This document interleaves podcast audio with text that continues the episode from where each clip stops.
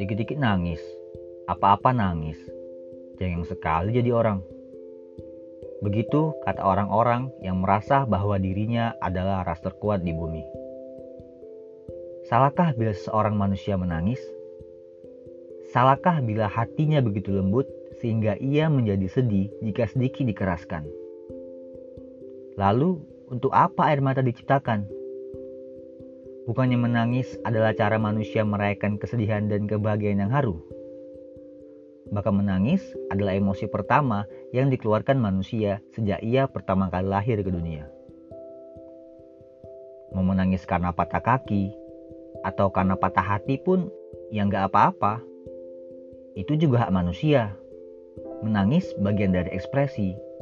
Dan ekspresi jangan dipendam, tapi dikeluarkan. Biarkan dada menjadi lapang, lega, karena beban seperti dibuang. Biarkan hati menjadi tenang. Biarkan pikiran menjadi terang. Menangis itu bagian dari perasaan, dan perasaan itu harus diutarakan.